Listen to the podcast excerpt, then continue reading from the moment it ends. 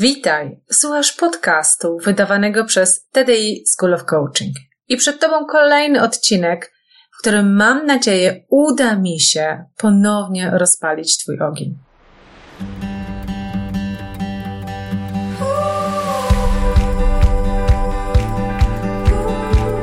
Witaj w serii podcastów TDI School of Coaching.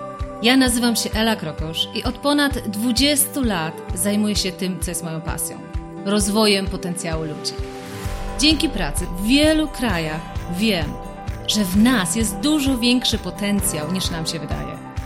Moją rolą jest pomóc ludziom dostrzec swój potencjał, a potem zrobić wszystko, aby go wykorzystali. Uczę, jak rozpalać wewnętrzny ogień, pasję, poczucie sensu, spełnienie, a potem zarządzać samym sobą, swoim umysłem, aby budować siłę psychiczną do osiągania rzeczy, na których nam zależy najbardziej. Witam Cię bardzo serdecznie w kolejnym odcinku tego podcastu. I jeśli znasz mnie dobrze, to myślę, że wiesz, że moją ogromną pasją jest cały czas rozpalanie nas do działania. I mimo, że czasami mi się wydaje, że na ten temat nagrałam już ogromną ilość podcastów, to okazuje się, że za każdym razem kiedy ponownie wracam do tematu tego, w jaki sposób siebie motywować, w jaki sposób żyć na 100%, to za każdym razem z Waszej strony dostaję ogromną ilość pozytywnych komentarzy. Ela, tak trzymaj, tego bardzo potrzebujemy.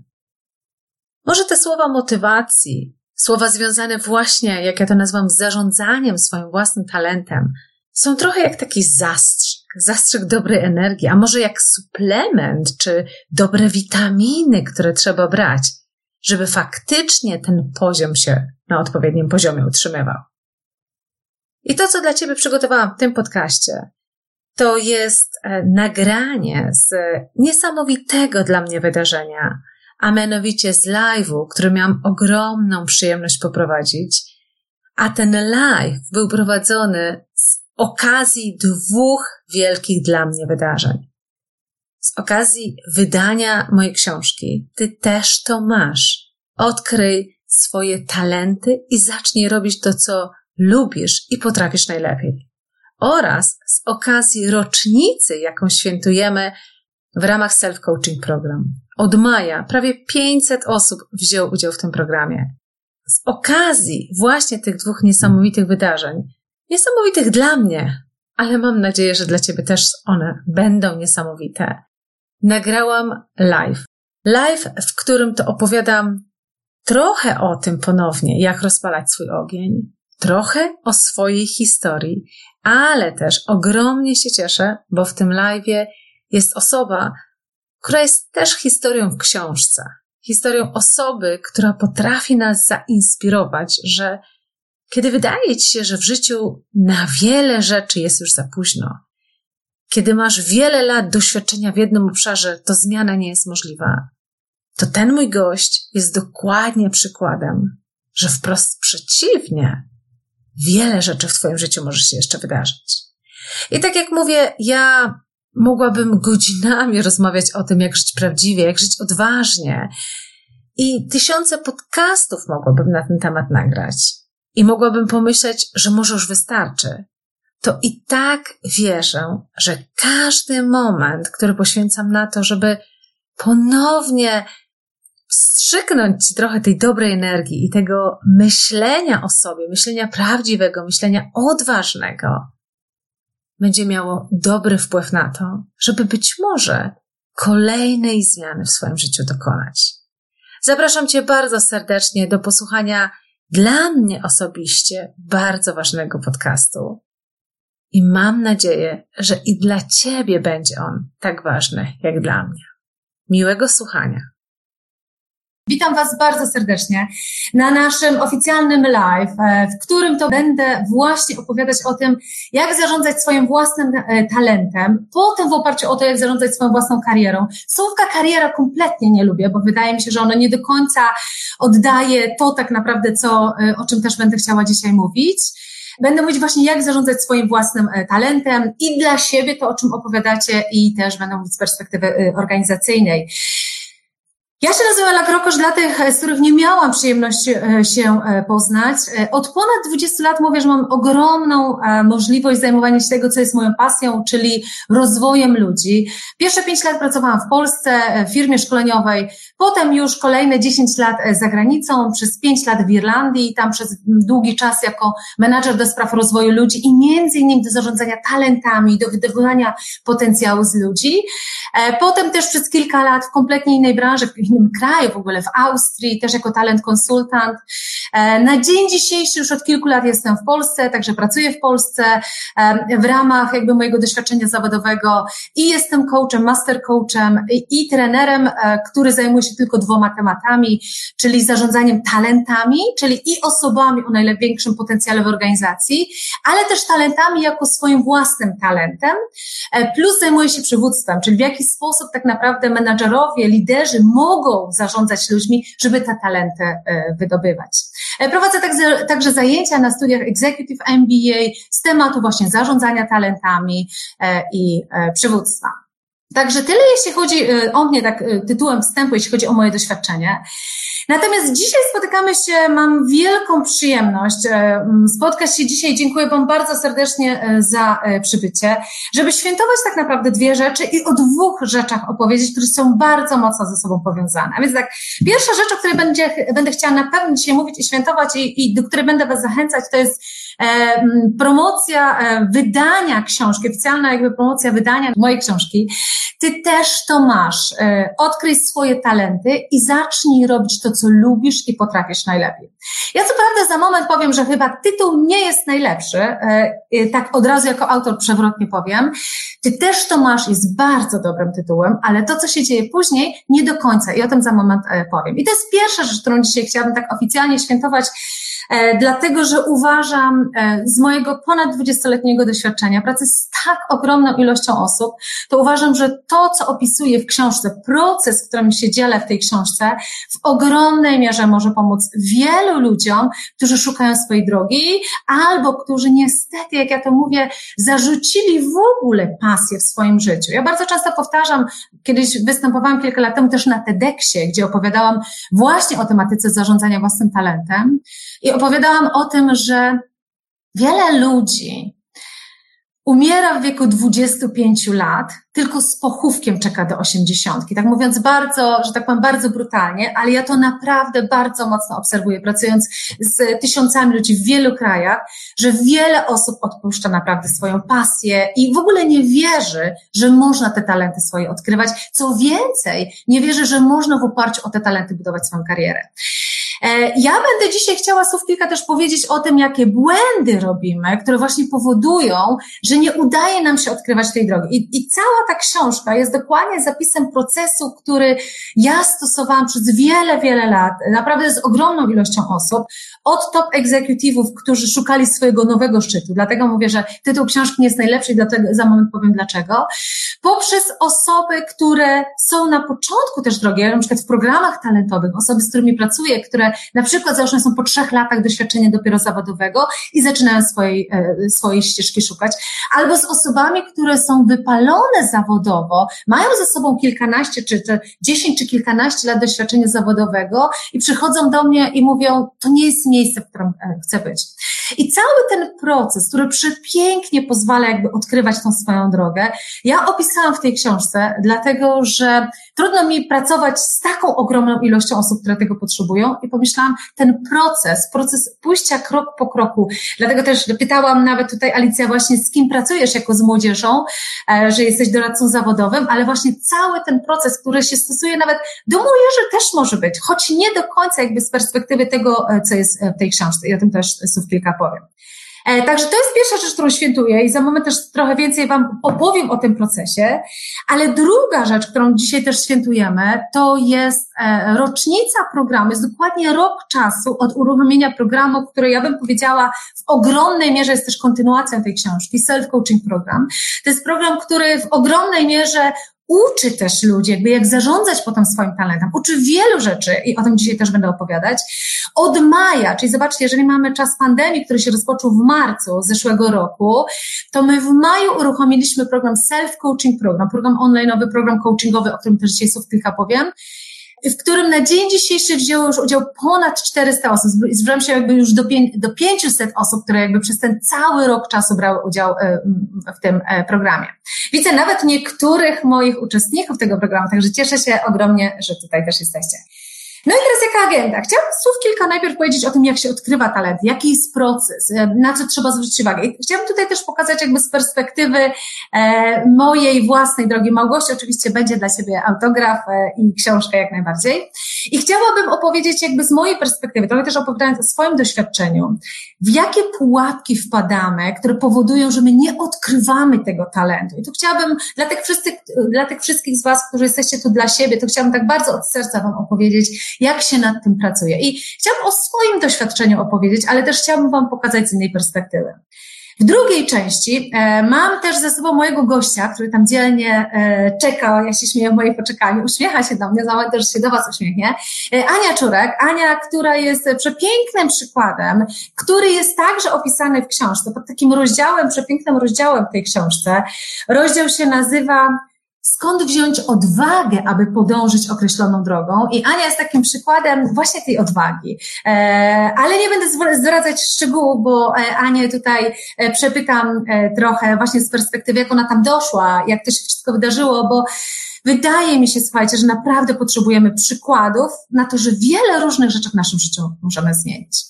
Jeśli w trakcie będą Wam się pojawiać jakieś pytania, to słuchajcie, ja jestem też tutaj dla Was i z wielką przyjemnością odpowiem też na pytania. Jeśli natomiast macie ochotę odpowiedzieć na te pytania na koniec, y, y, jakby też powiedzieć swoje pytania, to też jak, jak najbardziej. Dzień dobry, dzień dobry. To też jak najbardziej y, odpowiem na nie na koniec. Przewidujemy około godziny na całe to spotkanie, także mam nadzieję, że wykorzystacie też przerwę lunchową właśnie na ten nasz pobyt. Zacznę może od tego, bo chciałabym powiedzieć, e, dlaczego w ogóle warto szukać swojej drogi zawodowej i w jaki sposób to robić i dlaczego tak wielu z nas tego nie robi. I zacznę od tego, że powiedziałam Wam, że tytuł książki, Ty też to masz, jest dobry. Ale dalej odkryj swoje talenty i zacznij robić w życiu to, co lubisz i potrafisz najlepiej, może nie jest najlepszym tytułem i powiem teraz Wam bardzo mocno dlaczego. Kiedy ja byłam na początku swojej drogi, moje pierwsze doświadczenie zawodowe, to po pierwszych dwóch latach w pracy usłyszałam, Ela, ty coś ciekawe, Ela karuzela. Czytaj, ty nie wiesz, czego chcesz.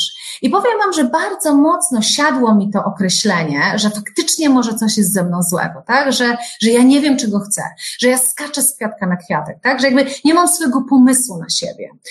I chyba ta potrzeba odkrycia tego swojego pomysłu na siebie była jakby początkiem tego wszystkiego, co się potem w moim życiu wydarzyło. Jakby tych faktycznie poszukiwań, czego ja naprawdę chcę. Wyjechałam do Irlandii, wyjechałam do Austrii. Wydawałoby się, że ciągle skaczę z kwiatka na kwiatek.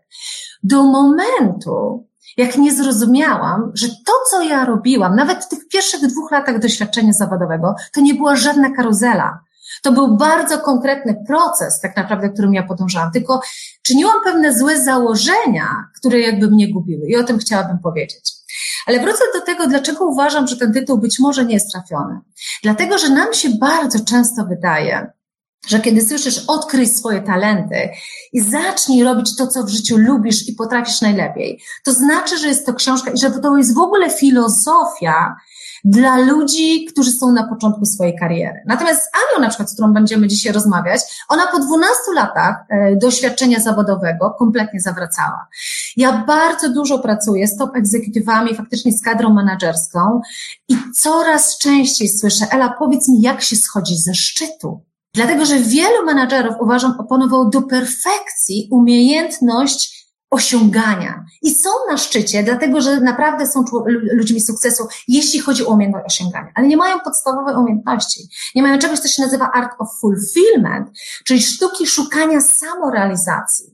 I to nie jest tylko mój pogląd, słuchajcie, tylko badania Galupa. Myślę, że wielu z Was zna Instytut Galupa. Instytut Galupa zajmuje się tym, żeby się przyglądać, jak to się dzieje, że niektórzy w organizacjach pracują z pełną pasją, z pełnym zaangażowaniem, a inni kompletnie, generalnie e, e, nie mają w, tej, w tym wszystkim, co robią, nie mają pasji. I Instytut Galupa, jakby badając szczególnie osoby, które pracują na etatach, bo ja zawsze mówię, jak prowadzisz coś swojego, to ten ogień musi się w tobie palić, bo jak się nie pali, to ty żadnego biznesu nie, nie rozkręcisz.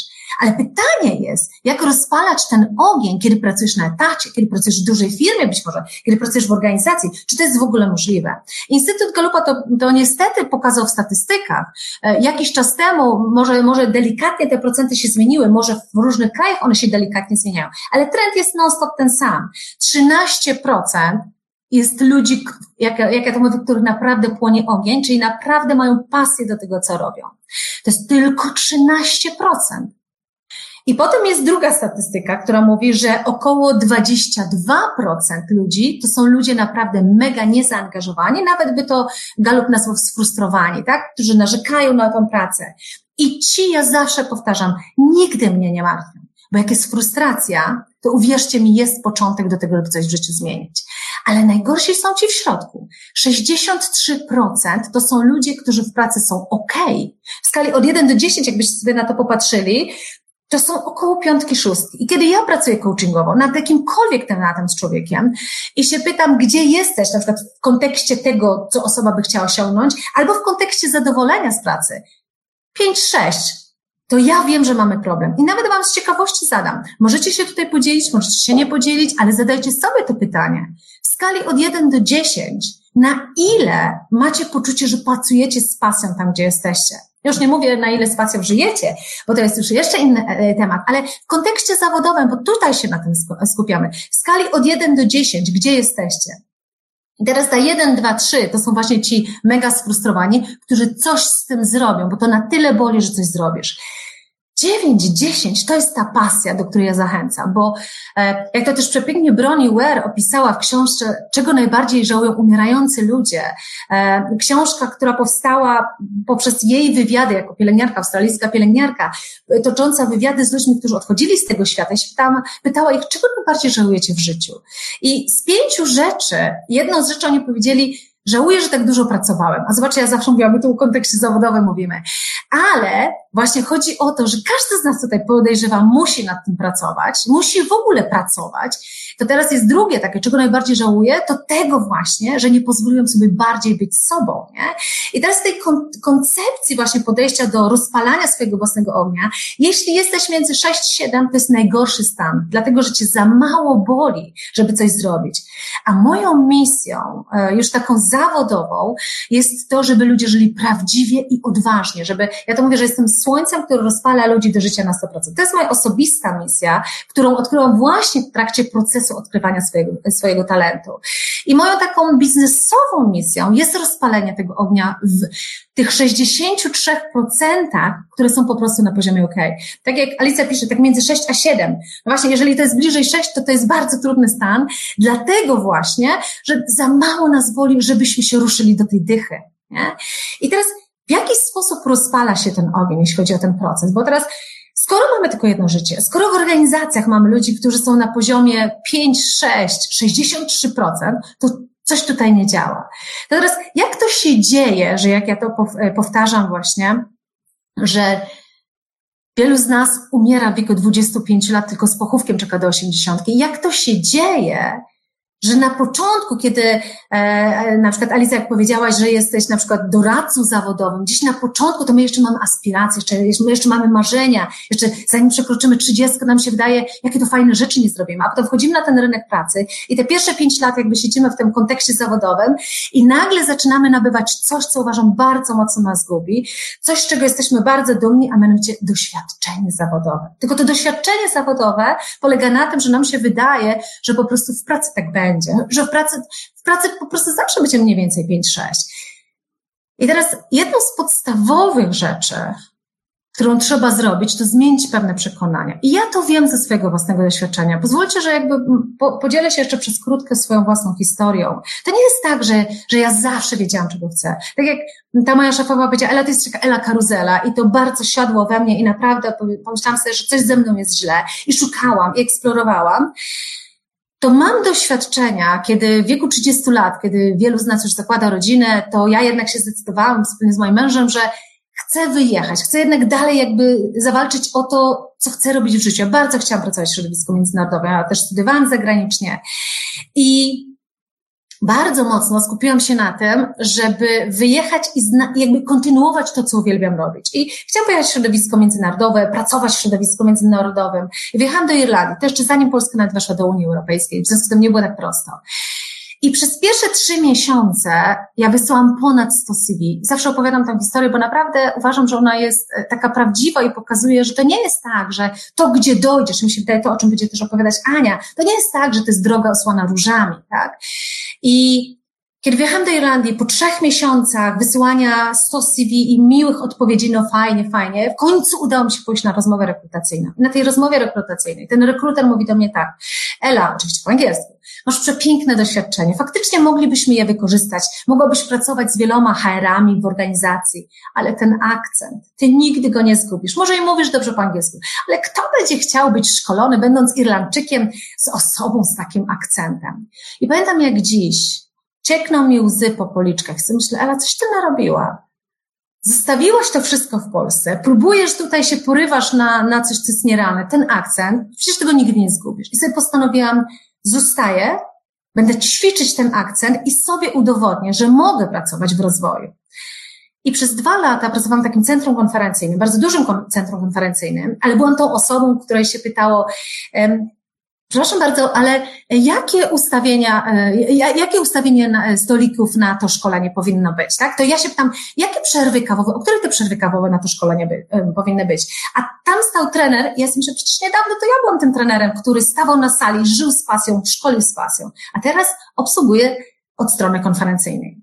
I tak pomału, słuchajcie, ta, ta, ta, ta chęć pracy jednak z tą pasją zaczęło u mnie zamierać. Byłam coraz starsza, 31 lat, 32, może czas zakładać rodziny, a nie porywać się po prostu na pracę z pasją.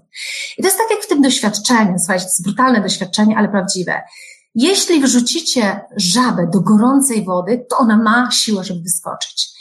Jeśli wrzucicie żabę do zimnej wody i stopniowo zaczniecie ją podgrzewać, niestety żaba przeoczy ten moment, kiedy, kiedy woda jest, jest już na tyle gorąca, żeby tak naprawdę być ugotowaną. I ja się czułam trochę przez te dwa lata, jak taka żaba, która coraz bardziej jest ugotowana, bo naokoło wszyscy znajomi mówili, daj spokój, zobacz ile zarabiasz, nie? Przyjaciele z Polski to w ogóle mówili, wiesz, to, ta twoja pensja w porównaniu do tej naszej polskiej, czego ty się czepiasz? Podróżujesz. Wtedy pamiętam, pierwszy raz pojechałam na kurs nurkowy do Meksyku. No naprawdę życie marzenie ale ja w środku wiedziałam, że zawodowo zdycham, naprawdę umieram.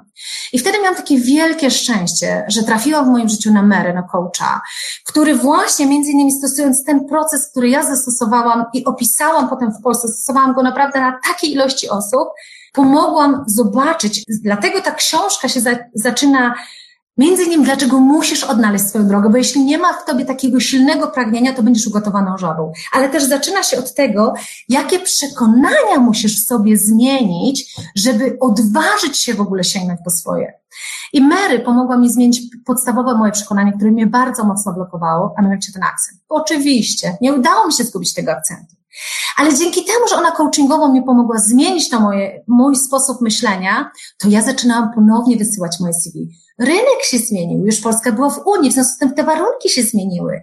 I ja teraz mogłam spróbować jeszcze raz, ale tylko dlatego spróbowałam jeszcze raz, bo ona na nowo obudziła we mnie ten ogień i pokazała mi, co się stanie w Twoim życiu. To jest takie słynne ćwiczenie, które bardzo mocno Wam polecam. Co się stanie, jeśli nic w swoim życiu nie zmienisz? Gdzie będziesz za 10 lat?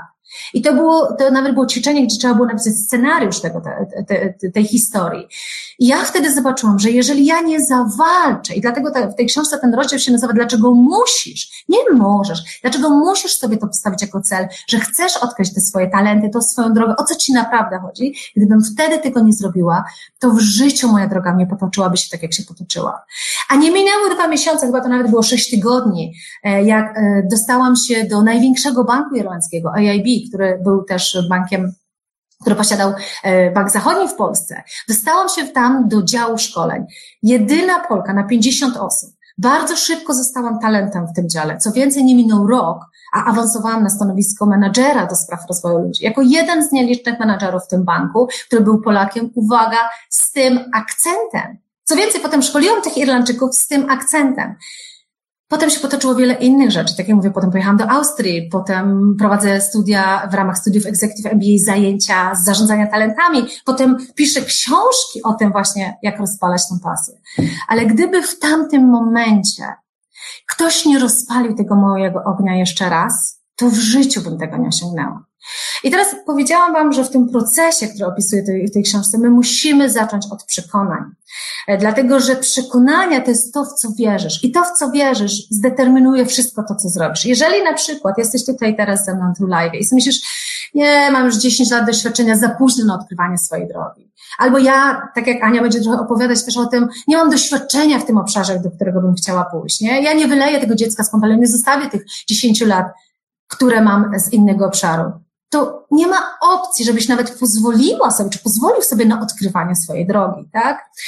Jednym z przekonań, które bardzo mocno musimy obalać, i dlatego też powstał self-coaching program, do którego pozwolę sobie już nawiązać, dlatego że jedno jest rozumieć swoje talenty, znać swoje wartości, bo może dodam, że w procesie, który Wam też opisuję, to jest tak, Musisz poznać swoje ograniczające cię przekonania, żeby w ogóle otworzyć się na szukanie swojej drogi. A mówię, im więcej lat doświadczenia zawodowego masz, tym jest trudniej. Magda pisze, ja zmieniłam pracę po 13 latach, to było bardzo trudne doświadczenie. No właśnie, bo odeszłam głównie z powodu konfliktu, miałam niejasną sytuację, ale tak, trzeba dbać o swój rozwój. No właśnie, czyli jakby jest to też możliwe, jesteś dokładnie tym przykładem, ale ja powtarzam, jak masz 2-3 lata doświadczenia zawodowego, Mówisz, wow, ale super, całą drogę zbuduję. Ale jak to zrobić, kiedy masz 10 lat doświadczenia zawodowego, 15? Jesteś w jednej rzece, rzece, ale w skali od 1 do 10 jesteś tylko na 5, może na 6. A w życiu chodzi o to, żeby było na 10, nie? I dlatego najpierw musisz pracować nad swoimi ograniczeniami. Dlatego powstał self-coaching program, który też dzisiaj świętujemy jako jego rocznicę, bo on przede wszystkim właśnie pracuje nad naszą głową, nad naszymi ograniczeniami. Bo to, co ja obserwowałam, to w momencie, kiedy ludzie pracowali nad ograniczeniami, to jest pierwszy etap w procesie odkrywania talentów. Potem identyfikujesz faktycznie talenty, ale nie w czym jesteś najlepszy. Ja to mówię, talenty to jest coś, czego robienie daje ci poczucie radości. I każdy z nas z tym darem przyszedł na ten świat. I w, w trakcie tej książki, w trakcie tego procesu masz ćwiczenia, które właśnie właśnie eksplorując nawet to, czego nie lubiłaś robić, czy czego nie lubisz robić, odkrywasz, a do czego ty masz dar? Na czym polega naprawdę twój dar? I ten dar, czyli talent, tak? Chodzi o to, w jaki sposób znaleźć, znaleźć tako, takie okoliczności, żeby z niego skorzystać w jak największym stopniu. Ale to da nam tylko poczucie radości. Ale spełnienie bazuje jeszcze na czymś, co się nazywa wartości i misji. Ja bardzo mocno jakby wchodzę głęboko w procesie i pomagam ludziom jakby odkryć swoje wartości, bo wartości determinują, co jest dla ciebie ważne wtedy w życiu, tak? I takie wartości holistyczne, czyli jeżeli na przykład rodzina jest dla ciebie ważna, to nie oznacza, że w pracy jakby coś robisz z tą rodziną. Ale jeśli rodzina jest dla ciebie bardzo ważna i rozumiesz, na czym polega ta wartość, bo to jest to, czego my nie rozumiemy. Co to znaczy ta wartość w naszym życiu, nie? A jeśli rozumiesz, na czym ona polega, to wtedy jesteś w stanie sobie zobaczyć, to jaka praca jest dla ciebie, która będzie honorować tą wartość. No i wiele innych wartości. Na przykład jedną z moich najważniejszych wartości jest inspirowanie. W związku z tym dla mnie sensem jest to, kiedy znajduję okoliczności do tego, żeby właśnie mówić od serca, inspirować. Wtedy czuję, że moja praca ma sens. A jeszcze w oparciu o to, tą ostatnią rzecz, którą się buduje, jeśli chodzi o ten cały proces, to się buduje swoją misję. Misja to jest cel taki nadrzędny w świecie WUKA, czyli w świecie, w którym się bardzo dużo zmienia, e, w którym nie wiesz tak naprawdę, gdzie za dwa lata będziesz. Trzeba mieć ogromną otwartość. I czasami niektórzy z nas czują się jak chorągiewki, bo cały czas się niby trzeba zmieniać. Ale ja mówię, jak masz silny fundament, a tym fundamentem są właśnie talenty, wartości i misja, to tylko się zmienia strategia, tylko się zmienia plan, ale fundament twój się nie zmienia. Tak jak ja mam misję, jestem słońcem, Słońce jako metafora wynika oczywiście z moich wartości, z moich talentów, z mojej osobowości, też się buduje tą metaforę, który pomaga ludziom żyć na 100%, tak? Czy jakby to moje hasło przewodnie, które bardziej, e, e, które bardziej opowiadam, to jest żyj prawdziwie, żyj odważnie, nie tylko odważnie. Bo tak jak mówię, wiele z tych menadżerów się mnie pyta, Ela, jak zejść ze szczytu, bo byli bardzo odważni, ale nigdy nie żyli prawdziwie, nie? I teraz Skoro jest ten proces i za moment zaproszę Anię do naszej dyskusji, żebyśmy właśnie o tym opowiedziały, to teraz powiem, że ja zaobserwuję, że to, co nas gubi, wielu z nas, wielu z nas jest w stanie odkryć swoje talenty. My odkryjemy talent, odkryjemy wartości, e, może nawet mamy misję, ale dopiero wtedy się zaczyna przygoda. Dopiero wtedy zaczyna się przygoda, kiedy musisz zacząć według tego żyć. I e, to, co tutaj e, Magda, ty piszesz, po 13 latach zmieniłam pracę, tak? I to była trudna droga, bo to jest bardzo często trudna droga. I teraz to, co mówię, że odkrycie to jest raz. Ja to bardzo często obserwuję pracując jeden na jeden, czy tak jakby to, to, to co też opisuję w książce. Kiedy odkryjesz, to jest, to jest to piękna emocja. To jest to, żyj prawdziwie ale teraz miej odwagę, żeby według tej prawdy żyć.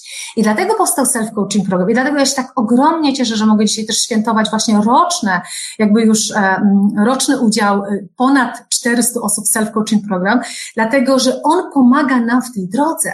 On pomaga nam budować odpowiedni sposób myślenia, budować nowe połączenia neuronowe, gdybym miała tak generalnie bardziej technicznie Wam wytłumaczyć. To, co my robimy w życiu, wynika w ogromnej mierze z tego, co w naszej głowie, z tego, co nam wpoili w pewnym momencie w naszej głowie, z naszych przekonań.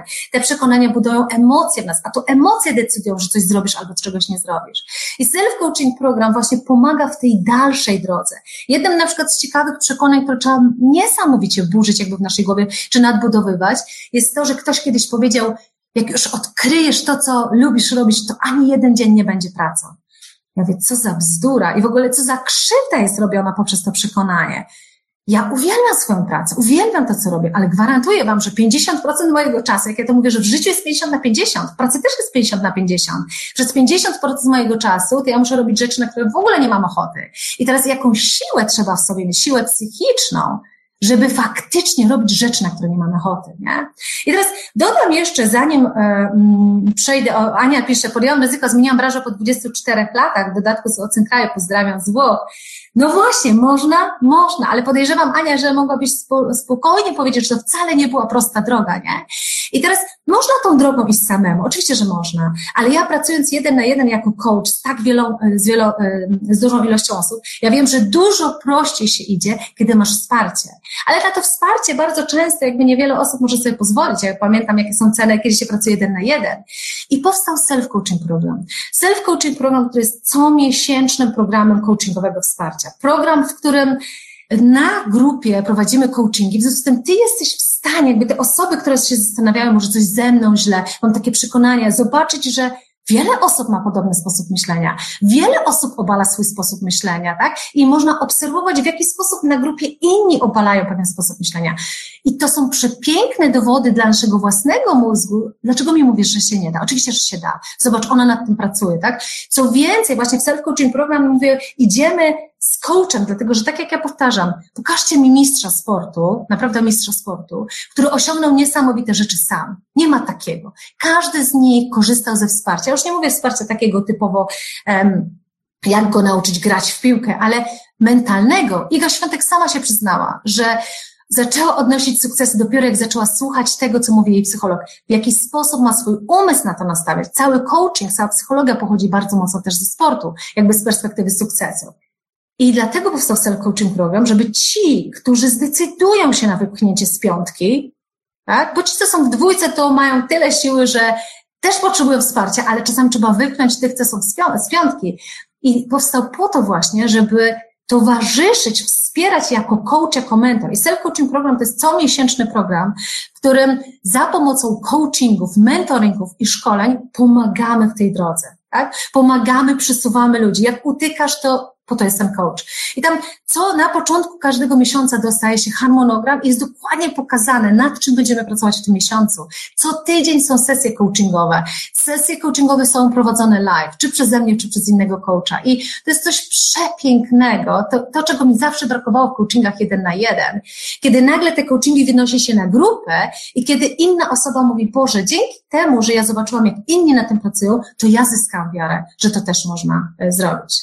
Także ogromnie się cieszę, że możemy świętować obie te rzeczy i dlatego też e, bardzo się cieszę, że z jednej strony jest proces, który jest przepięknie opisany w książce, który udało mi się w końcu właśnie też dzięki pandemii, dzięki czasu, e, ten czas, który jakby zyskałam poprzez pandemię, spisać ten proces, żeby ten proces pomagał nie tylko kilku osobom, z którymi mogę pracować, czy, czy tym osobom, które z organizacji przychodzą, mogę im pomagać, ale tym osobom, które chciałyby dla siebie popracować. A drugie, ogromnie się cieszę, że też powstał program, self-coaching program, który nie zostawia ludzi. Nie zostawia, mówi, masz plan, teraz rób to, co chcesz. Nie, on prowadzi ludzi krok po kroku. Self-coaching program, my, dlatego też stworzyliśmy dwie wersje. Wersję Classic, która cenowo to jest jak cena karnetu na siłowni, 99 zł. Pokażcie mi, który coach jest w stanie pracować cztery razy, że tak powiem, w miesiącu z człowiekiem tyle, ile on potrzebuje za taką cenę. Mamy też wersję professional. Jak ktoś jest z Was i ma taką misję, ma w sobie taką potrzebę budowania takiej odpowiedzialności za talenty, rozwijania ludzi, to powinien się zastanawiać nad wersją professional, e, która jest trochę droższa, ale który uczycie się umiejętności prowadzenia ludzi przez to wszystko. E, także, także to tyle.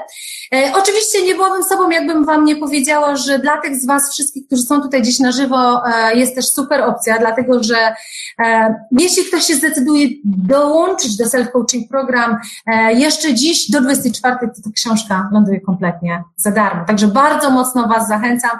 Nie odkładajcie swojego życia na później.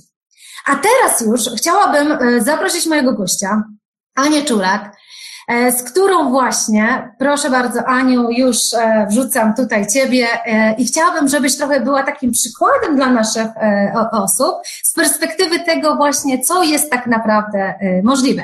Aniu, czy, czy mnie słychać? I Ty się odezwij, zobaczymy, czy Ciebie słychać. Tak, dzień dobry, dziękuję bardzo za zaproszenie. Bardzo mi miło, że mogę tu wystąpić. Mam nadzieję, że panowie robotnicy na mnie przeszkodzą, bo właśnie nie mówiłam, że akurat zaczęli wiercić przed spotkaniem, ale mam nadzieję, że będzie mnie dobrze słychać.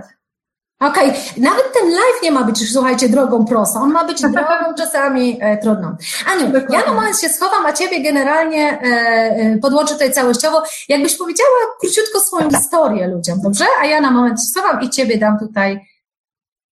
E, no moja historia to y, zaczęła się od tego, że ja zaczęłam pracę w bankowości i 12 lat pracowałam w tej bankowości w różnych obszarach. Z jednej strony obsługa klienta, z drugiej strony potem koordynator, czyli zarządzałam zespołem. E, I potem e, przeniosłam się do analizy. No i historia moja jest taka, że jak już byłam na tej analizie, to gdzieś tam po krótkim czasie zauważyłam, że to nie jest to, co ja chcę robić.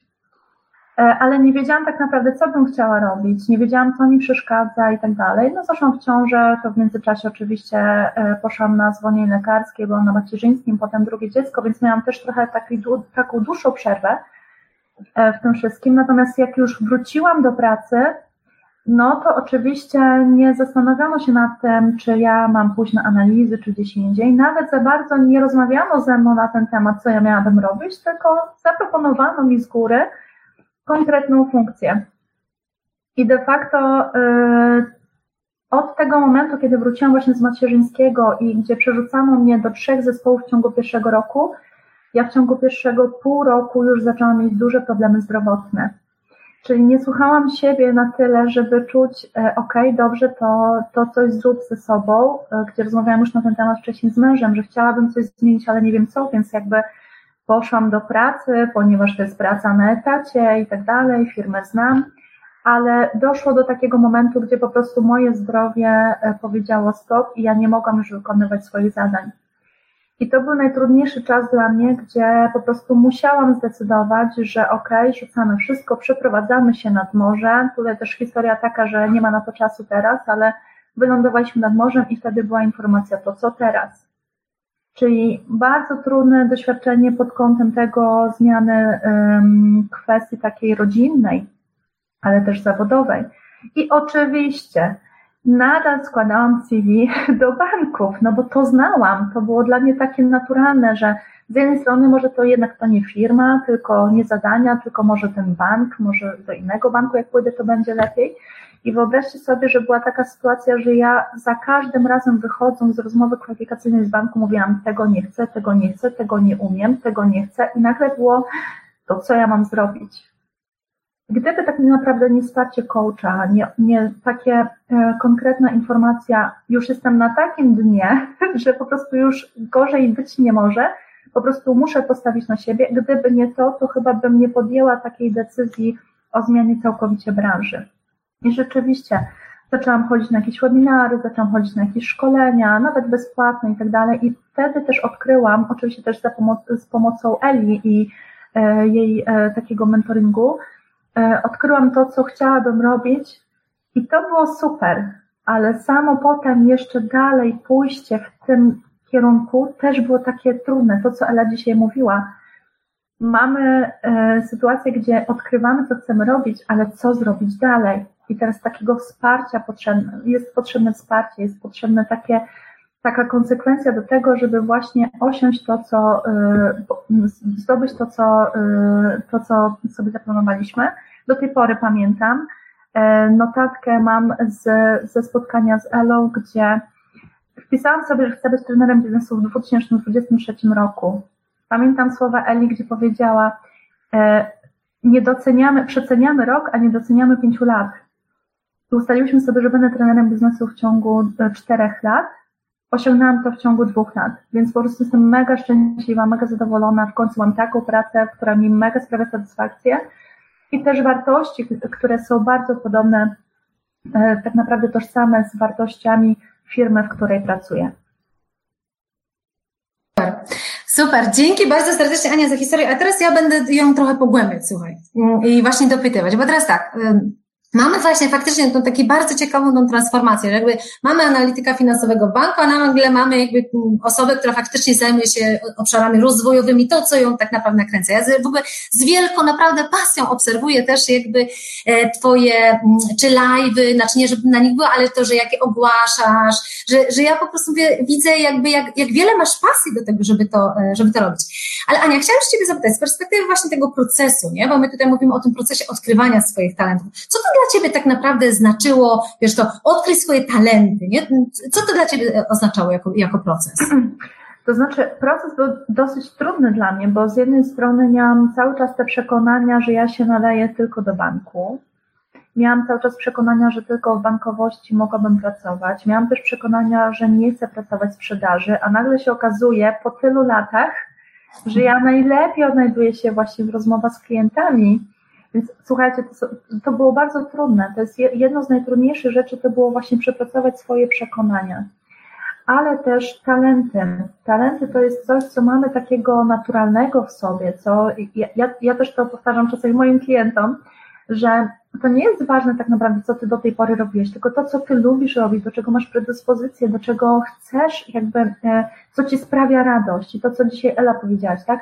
Ta praca, to co robimy, musi nam sprawiać radość, bo inaczej nie czerpiemy z tego takiej satysfakcji, jaką możemy osiągnąć.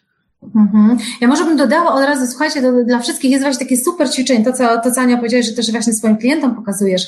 Robić taką listę, słuchajcie, swoich mocnych stron, bo my jesteśmy przyzwyczajeni do identyfikacji talentów jako naszych mocnych stron. W ogóle wiecie, jak, jakby tak zadać wam pytanie, a w czym wy macie talent, to zaraz się pojawi talent? Boże, tu nie ma żadnych talentów, nie? A tu chodzi w ogóle o zmianę mentalności, nie? I robić takie ćwiczenie, gdzie patrzycie sobie, co jest waszą mocną stroną i spisujecie to, spisujecie, spisujecie, tak? A potem zaznaczacie, która z tych mocnych stron to jest coś, co wy naprawdę chcecie robić. Czyli gdyby się spytać przez 100% czasu możesz wykorzystywać którąś z tych to którą z nich chcesz wykorzystywać? A potem robisz się tą drugą rzecz, a mianowicie, a którą rzecz chciałbyś, czy chciałabyś robić, ale ona w ogóle nie jest twoją mocną stroną, nie? To jest ta, ta zmiana sposobu w ogóle myślenia, czym tak naprawdę e, e, jest e, talent. Mhm. A w dalszej drodze, właśnie z perspektywy jakby potem już takiego zarządzania Ania swoim, swoim talentem, no bo teraz tak, jak ty odkry, rozumiesz, ty też odkryłaś swoje jakby talenty, czyli czego robienie daje ci poczucie radości, tak? Swoje, swoje wartości. Zbudowałaś swoją misję, udało ci się wtedy zbudować swoją misję? Tak. Ta, ta misja na początku była dosyć, znaczy ona była bardzo trudna do zidentyfikowania, bo jakby jeśli ktoś nie pracuje z tym na co dzień, tak jak na przykład ty, no to jakby trudno było mi to zidentyfikować, ale pamiętam, że było takie fajne wsparcie nas, różnych osób, które pracowały nad tym i, i gdzieś tam e, każda z nas dorzucała od siebie, co można by było zmienić i tak dalej. E, mam swoją misję, cały czas jest aktualna. Jestem czarodziejką, może nie będę mówić co tam dalej, ale, ale właśnie tak czasami się śmieję, że mam taką różdżkę, gdzie po prostu jak jak trzeba coś zrobić, a nie można tego zrobić. A dlaczego nie powiesz jej całej? A dlaczego nie powiesz jej całej? E, Opowiadaj czarodziejko o swojej Ja nie pamiętam tak na 100%, na, na 100% żeby wiesz, wszystko powiedzieć. O. Chodzi o to, że jestem czarodziejką, która tak naprawdę e, słucha osób z otoczenia e, i przechodzi do działania, żeby właśnie zrobić to, co jest najlepsze do realizacji ich zadań. Czyli ja jestem osobą, która bardzo chce pomagać innym osobom i czy to będzie w pracy, czy nie w pracy i tak dalej. Fajne jest to właśnie, jak mogę tutaj jeszcze tak powiedzieć, mhm, fajne pewnie. jest to, że te talenty, które my myślimy teraz, to są talenty, które możemy wykorzystywać w pracy. A nagle jak myślimy o tych mocnych stronach, o tych e, wartościach i tak dalej, to jakby to wszystko nam się e, w jedną całość składa i chodzi o to, że mamy poczucie, że jak e, jesteśmy tą czarodziejką na przykład, albo jesteśmy tym słońcem, to jesteśmy mhm. tym słońcem nie tylko w pracy, ale też właśnie w życiu osobistym. Tak. My, ta czarodziejka, czy ta słońce, Ania się aż śmieje, jak wypowiada słowo czarodziejka, bo jak ktoś nie jest tajemniczony, to mówi wypiecone za historię opowiadam. Ale słuchajcie, ja wam powiem bardzo szczerze i tutaj jakby teraz dodam taki aspekt merytoryczny, któremu możecie wierzyć. Ja tak jak powtarzam, ja bardzo dużo pracuję na poziomie self-leadershipu z menedżerami, z top executive'ami i uwierzcie mi, że ja naprawdę wypracowuję metafory e, dla tych executive'ów, które potem ich niosą. Niedawno wypracowałam jedną z menedżerek, dyrektor e, działu marketingu w jednej bardzo dużej firmie, że jest wilczycą. I jakby i to się pracuje potem coachingowo, my w self-coaching program bardzo dużo jakby też do tego się odnosimy. A co by zrobiła wilczyca? Jakby i, i to jest, to jest ta taka metafora, która niesie ci tą siłę, bo to jest to, że żeby żyć prawdziwie i odważnie, właśnie trzeba mieć dużo w sobie siły, nie? Czyli kiedy ci nie wychodzi, kiedy są trudności, to wtedy się pytasz, okej, okay, a co by zrobiła tak naprawdę wilczyca, nie? I to ja mm, wam powiem naprawdę, że y, metafora, to co mówimy, czarodziejka czy, um, czy słońce, ona jest odpowiednio konstruowana, ona jest odpowiednio budowana do tego też jest proces, bo ty wtedy rozumiesz, czym jest tak naprawdę, co to znaczy być czarodziejką, czujesz, czujesz to tak naprawdę wewnątrz. To jest w ogóle misja to jest bardzo ważny element naprawdę tego, tego procesu, bo potem sposobów na realizację tej misji może być tysiące. Nie chodzi właśnie, nie chodzi o to, nie, Ania, tak jak też z twojej perspektywy, nie chodzi o to, żeby powiedzieć sobie jedną rzecz i tylko tej jednej się trzymasz. Nagle się okazuje, że tych możliwości jest e, wiele. Czy wydarzyło się coś, albo zabrałaś się za coś, tak na z ciekawości spytam, czego nie przewidywałaś wtedy, kiedy jakby już ułożyłaś tą swoją swoją drogę?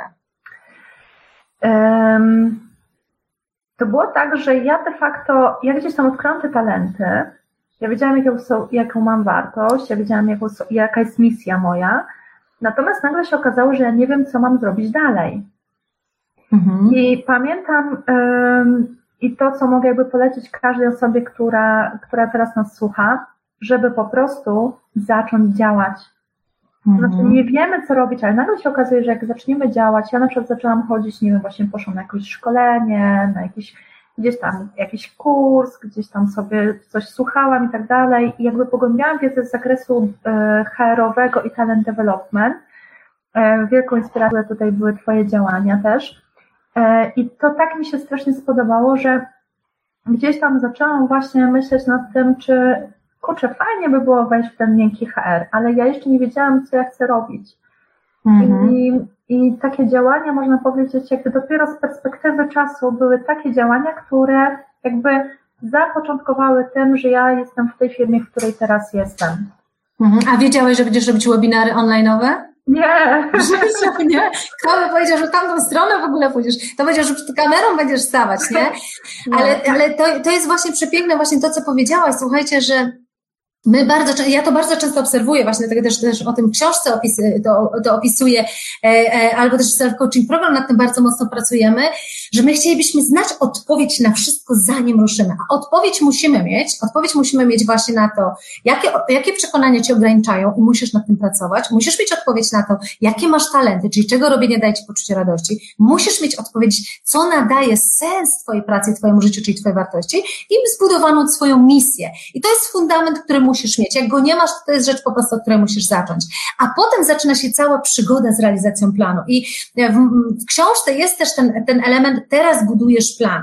Ale czasami jest tak, jak Ania to powiedziałaś, to nie jest tak, że skończyłaś ten rozdział i teraz siadasz i masz idealnie plan. Czasami ten plan buduje się poprzez życie, poprzez wychodzenie, robienie, eksperymentowanie i nagle się okazuje, jak to się mówi, że trochę wszechświat jakby nam w tym wszystkim e, pomaga, nie? Czy jakby nagle pewne rzeczy się e, układają, ale Dlatego w self-coaching program my strasznie mocno tak naprawdę pracujemy nad przekonaniami, bo tu się wszystko zaczyna, nie? Gdyby w tobie nie było tej chęci zmiany, gdyby nie było tej determinacji, że, że to się na pewno jakoś ułoży, to prawdopodobnie nie wychodziłabyś, nie robiłabyś tych spotkań i tak dalej, nie? Z tej perspektywy.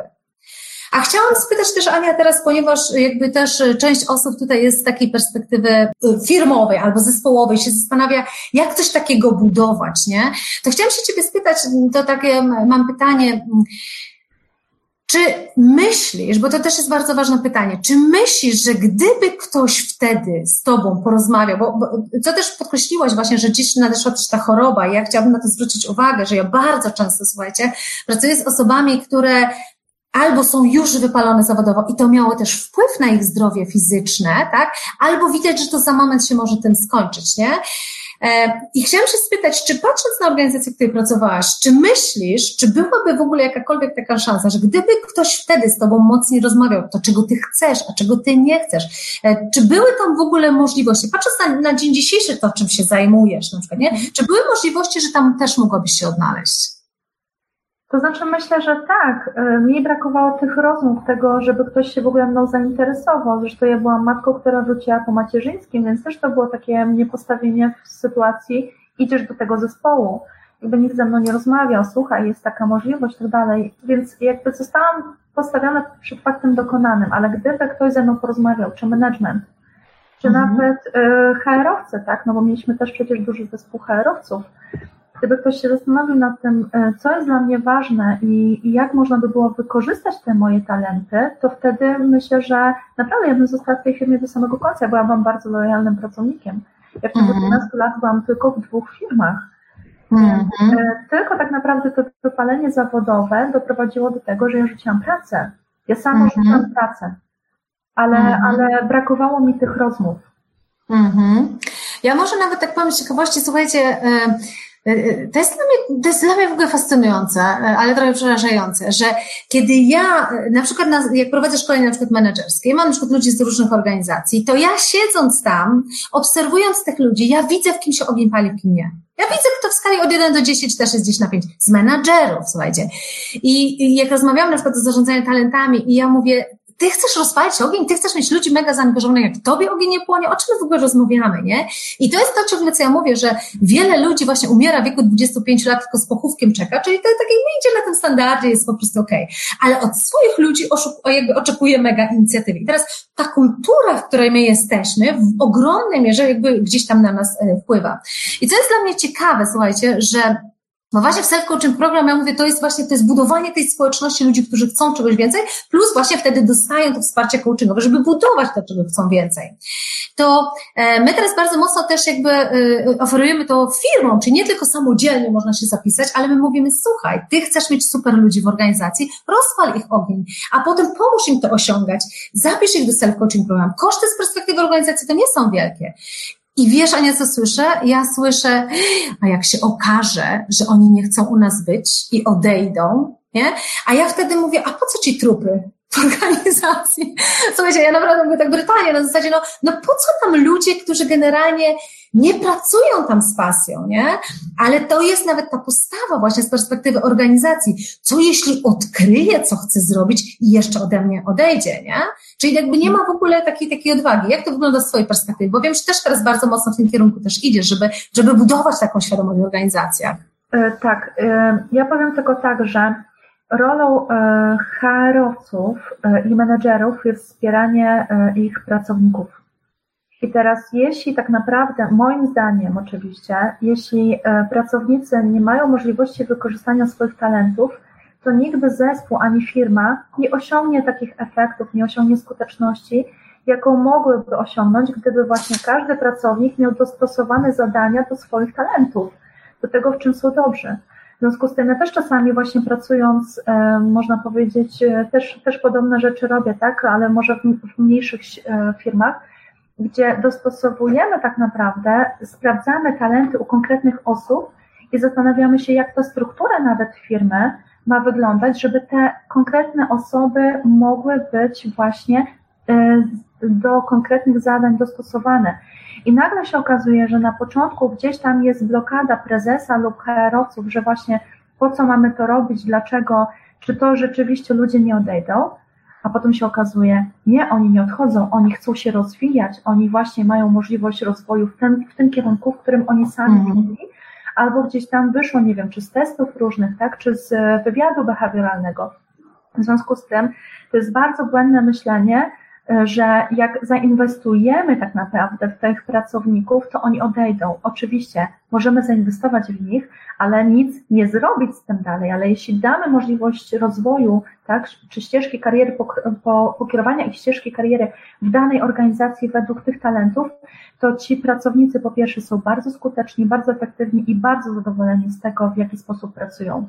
Mhm, dokładnie. Ja myślę, słuchajcie, ja to jakby, ponieważ ja jakby znam też ten temat jakby tak właśnie bardzo mocno strony HR-owej i ja naprawdę widzę, że bardzo dużo jakby tych osób, które są odpowiedzialne za budowanie odpowiednich kultur, czy na przykład HR-zy, wierzą w tą metodologię, ale ponieważ nie ma tej kultury w środku, a nazwę to dosłownie kultury, a mianowicie nawet w niektórych menadżerach nie ma w ogóle potrzeby, żeby ci ludzie płonęli na mocniej niż pięć, nie? To jest przerażające, ale dlatego, że im się po prostu wydaje, że, że generalnie taki ogień, jaki jest, wystarcza, dlatego, że w nich nie płonie ten ogień, nie? Kiedy ja się pytam, okej, okay, czasami robimy takie ćwiczenie, jak jest twoje dlaczego, nie? Y, y, Simona Sineka y, typowe, dlaczego ty tam jesteś, dlaczego jesteś w tej roli, jakby, co ty z tej roli bierzesz dla siebie, to naprawdę niektórzy myślą, że ja zwariowałam, nie? Ale jak już głębiej w to wejdą, to wiedzą, że nie zwariowałam, tylko że tu jest siła i jakby całe podejście w tamtą stronę idzie. Ale jakiej to jakby odwagi potrzeba, żeby zacząć nawet dla siebie szukać tej odpowiedzi w skali od 1 do 10. Gdzie ty jesteś, jeśli chodzi o ten twój wewnętrzny ogień? Aniu, patrzę na czas i patrzę, czy jeszcze będą jakieś pytania. Kochani, słuchajcie, jeśli macie jakieś pytania, czy do mnie, czy do Ani, to jak najbardziej teraz jest czas na to, żeby e, też e, zadawać, bo pomału będzie nam się pewnie czas kończył. E, ja tylko przypomnę, pamiętajcie, że jeżeli macie ochotę odkryć swój proces, to zdecydowanie musicie kupić tą książkę i jakby przeczytać głębiej o historii Ani. Co więcej, ja tam zawarłam też takie przykłady z sesji coachingowych. Jakby, jeśli ktoś odkrywa swoje talenty, tam są ćwiczenia pokazane, jak odkrywać swoje talenty, a potem jest sesja coachingowa, która to prowadzi. I tą książkę możecie kompletnie bezpłatnie dostać, jeśli dołączacie też do naszego self-coaching program, do wersji professional, e, żeby, żeby potem pracować nad tym. E, Ania, mam takie pytanie, trochę też takie jakby trochę już zamykające. Jaką miałabyś radę właśnie taką tą indywidualną dla tych osób, które mają tą w skali 1 do 10 tą piątkę, szóstkę? Co byś im powiedziała? Po pierwsze, e, pierwsze chyba najważniejsze, co bym powiedziała, to bym e, powiedziała, zapytałabym, żeby się zastanowili, kto jest dla nich taką osobą inspirującą ich. Czy to jest osoba, która jest gdzieś tam z ich e, obszaru, tak, gdzieś w kręgu, czy, czy osoba, która jest gdzieś tam e, znana bardzo, e, nie wiem, tak zwany celebryta, czy, czy osoba na bardzo wysokich stanowiskach, na przykład w swojej firmie i zastanawiałabym się, to tak naprawdę jest w tej osobie, co mnie inspiruje i dlaczego ja jestem na tym etapie i cały czas mhm. chcę być, a dlaczego nie dążę dalej.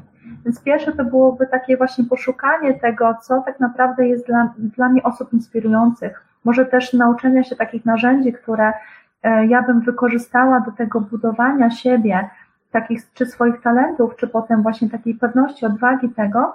Trzecia to na pewno ta konsekwencja. Mm-hmm. Czyli już wiemy, tak, co nas blokuje, gdzieś tam mamy przekonania, inspiruje ktoś nas, gdzieś, gdzieś w jakimś stronę chcemy pójść, ale też konsekwencja, bo to, co mówiłaś, Ela, gdyby tak naprawdę, ja miałam podobnie, też wysyłałam setki CV, nie miałam odpowiedzi, miałaś to samo i nagle, gdy gdzieś tam przepracowałaś to coachingowo, tak, znowu mhm. zaczęłaś to robić, czyli ta konsekwencja jest bardzo ważna, bo jeśli nam się nie udaje w ciągu tego, nie wiem, miesiąca, to dlaczego masz nie zdobyć super fajnej pracy, na przykład fajnej mhm. pracy za dwa, trzy miesiące, może właśnie się coś zmieni, rynek zmieni i tak dalej, a może będziesz wiedział więcej na temat tego, jak jeszcze zbudować tak naprawdę swoje kompetencje, żebyś za te trzy miesiące znalazł tę pracę marzeń. Więc jakby ta konsekwencja jest bardzo, bardzo ważna, czyli obranie ścieżki kariery, ale nie zatrzymywaniem się jakimś nie, przy niepowodzeniach, tylko działanie konsekwentnie, działanie z odwagą i, i w tym kierunku, mhm. żeby właśnie zdobyć ten cel, który mamy. Super. Sylwia pisze, właśnie szukam swoich talentów, ponieważ czuję, że staję się trupem, o którym wspomniałyście. Zdecydowanie nie warto być trupem. Ale ja, słuchajcie, chciałabym na koniec powiedzieć taką bardzo ważną rzecz, e, która też te, w tej książce jest, z perspektywy tego, dlaczego musisz odnaleźć to, co chcesz robić. I jedna z Was, chyba Edyta, tam wyżej napisałaś, że straciłaś pracę i tak naprawdę jakby teraz pytanie jest, czy w ogóle szukać tej drogi i jak to się ma. Ja Wam powiem bardzo otwarcie, że... E, jeśli nie masz kompletnie pracy i nie masz środków do życia, to się nie ma w nagle w odkrywanie, co ty chcesz robić, tylko czasami jest tak, po prostu bierzesz pracę, która jest i jakby ja mam bardzo racjonalne też podejście do życia i według piramidy Maslowa po prostu najpierw patrzysz na potrzeby podstawowe, tak? Musisz mieć z czego wyżywić siebie czy rodzinę, tak? Ale to wcale nie oznacza, że to nie jest czas na to, żeby zacząć się zastanawiać w dłuższej perspektywie, co ty chcesz robić, tak? Czyli to jest to, Ania, co mówisz, nie? Że, że może ta pierwsza praca, to, co teraz weźmiesz, bo potrzebujesz czegokolwiek, bo na przykład nie masz funduszy, będzie taką bazą dla ciebie, żeby po prostu mieć pieniądze na życie. Ale to wcale nie oznacza, że teraz nie jest czas na to, żeby się zastanowić i zbudować swój plan na przykład na kolejne dwa lata, gdzie chcesz dojść, co chcesz robić. I to, co Ania powiedziałaś, jakie kompetencje na dzień dzisiejszy już rozwijać, jest tutaj taka sesja coachingowa w tej książce e, z e, Sylwią, E, Sylwia była przepięknym przykładem, ja później kiedyś nagrałam z nią podcast, osoby, z którą właśnie też pracowałam tutaj coachingowo w ramach odkrywania.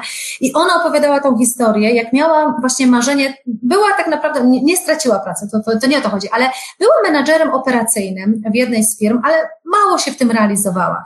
I kiedy odkrywałyśmy, czego ona chce, ona powiedziała, że ona by chciała bardzo, znaczy, że zawsze marzyła o tym, żeby zostać lekarzem, to było jej takie marzenie, no ale miała lat 30 już kilka, no i wiedziała, że nie zostanie nagle lekarzem, no bo wiecie, medycyna, no to, to bardzo długa droga. Jakby powiedziała, że nie. I teraz bardzo często w tych naszych marzeniach właśnie nie chodzi o to, wyszło mi, że chcę być lekarzem, to ja muszę być lekarzem. Tylko zabierasz z tego marzenia, co tam jest takiego w tym byciu lekarzem, co mogłabyś zabrać do życia.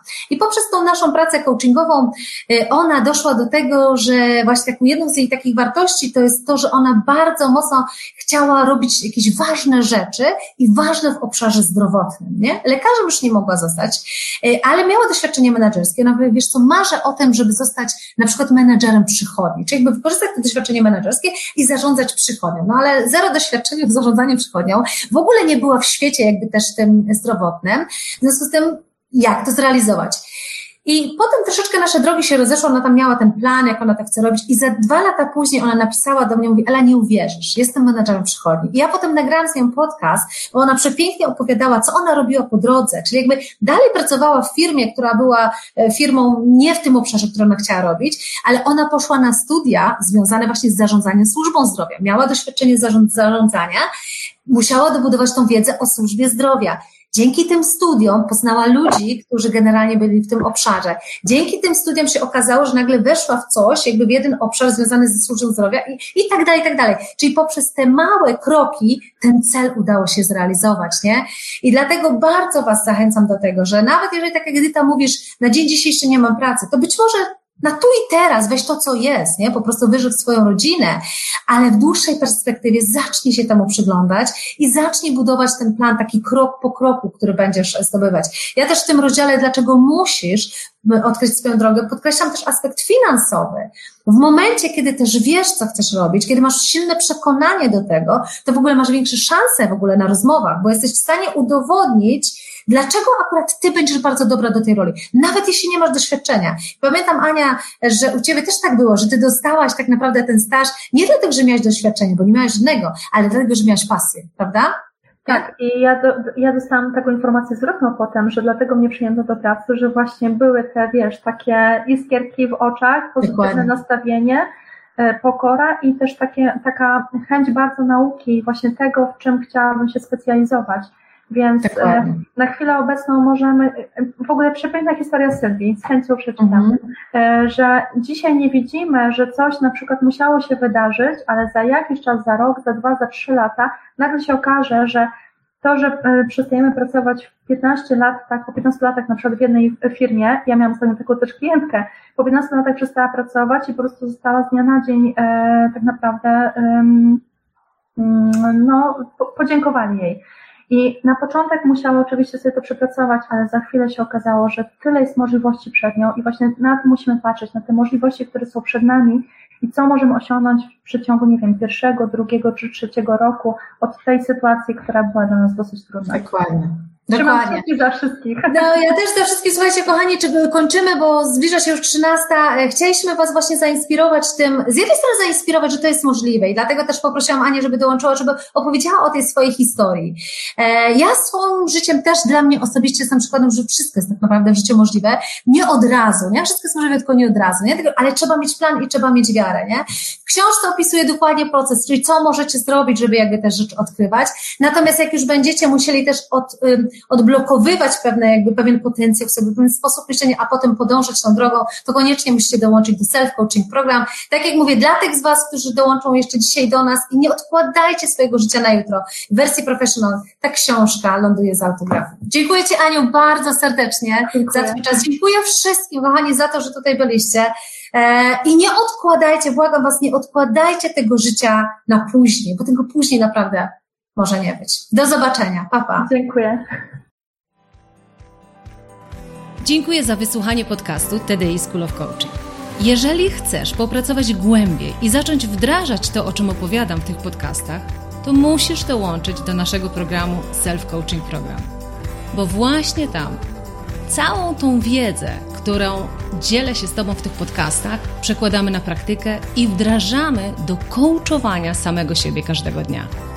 Więcej o programie znajdziesz na www.tdischoolofcoaching.pl ukośnik self-coaching program.